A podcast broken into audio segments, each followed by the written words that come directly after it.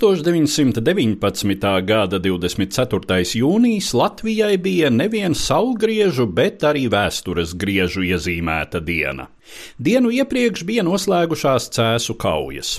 Vācu-Baltiešu landesvērs un uz laiku tajā iekļautās valsts vāciešu vienības bija cietušas sakāvi cīņā pret Igaunijas armiju, kuras sastāvā karoja arī pulkvežas zemitāna organizētie latviešu pulki.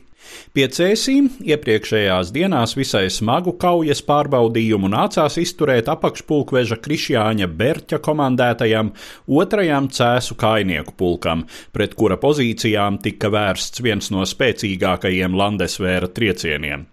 Tomēr kopējā Igaunijas armijas trešās divīzijas sekmīgā darbība, iesaistot kaujās tādas izlases vienības kā Kalevlaste, Māleva un Kuperjānova partizānu bataljonus, izšķīra cīņas iznākumu.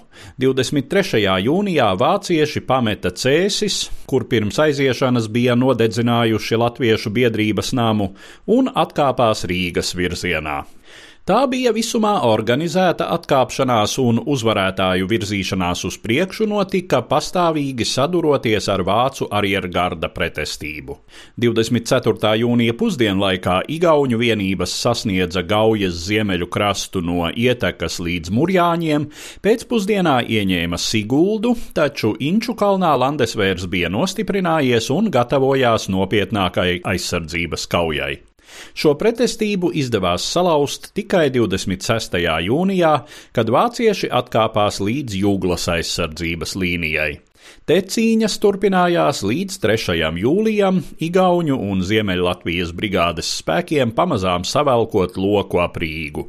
Izšķirošo kauju par pilsētu, kas varēja nozīmēt tai smagus postījumus, novērsa pamiera sarunas Strasdu muižā, pēc kurām Rīga beidzot atkal varēja kļūt par 1918. gada 18. novembrī dibinātās Latvijas Republikas galvaspilsētu.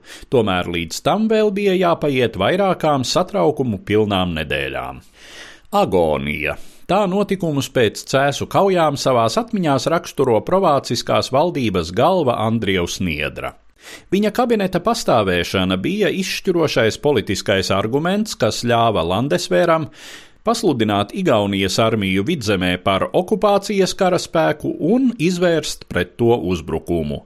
Tagad, pēc militārās neveiksmes pie cēsīm, Niedras premjerministra loma bija izspēlēta. 26. jūnijā viņš gan vēl devās uz Liepāju, kur ar Antantes valstu pārstāvju starpniecību mēģināja īstenot kādu kompromisu, taču viņa valdība šajā datumā faktiski beidza savu pastāvēšanu.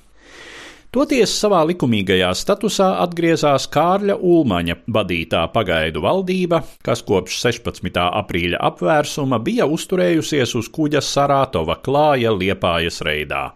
Nav precīzu ziņu par to, cik drīz Saratovu sasniedza ziņas par cēsu kauju iznākumu, taču jādomā, ka ne vēlāk par 24. jūniju. 27. jūnija pievakarē Ulmaņa valdības ministri nokāpa krastā Liepājā, kur nāk nākamajā dienā atsāka pilnvērtīgu valdības darbu un gatavojās pārbraukšanai uz Rīgu.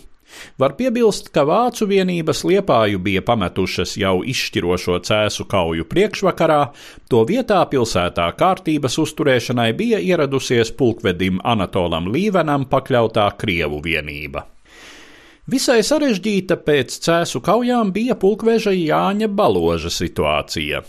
Kauju laikā viņam pakļautās brigādes vienības bija izvietotas Vidzemes augstienes rajonā, kā arī kontrolēja daļu no Rīgas. Balodis deklarēja striktu neutralitāti, kas visumā arī tika ievērota. Tomēr frontei pietuvojoties Rīgai, šo pozīciju bija arvien grūtāk ievērot. Jau Juglas kauju pēdējās dienās notika faktiska Baloža komandēto spēku un Igaunijas armijas sastāvā esošā pirmā Valmieras kainieku pulka apvienošanās vidzemē. Jādomā tikai Strasdu mūžas pamiera sarunas aiztaupīja balodim izšķiršanos par iesaistīšanos kaujās pret saviem bijušajiem sabiedrotajiem Vācu Baltiešu landesvēru. Stāstīja Eduards Liniņš.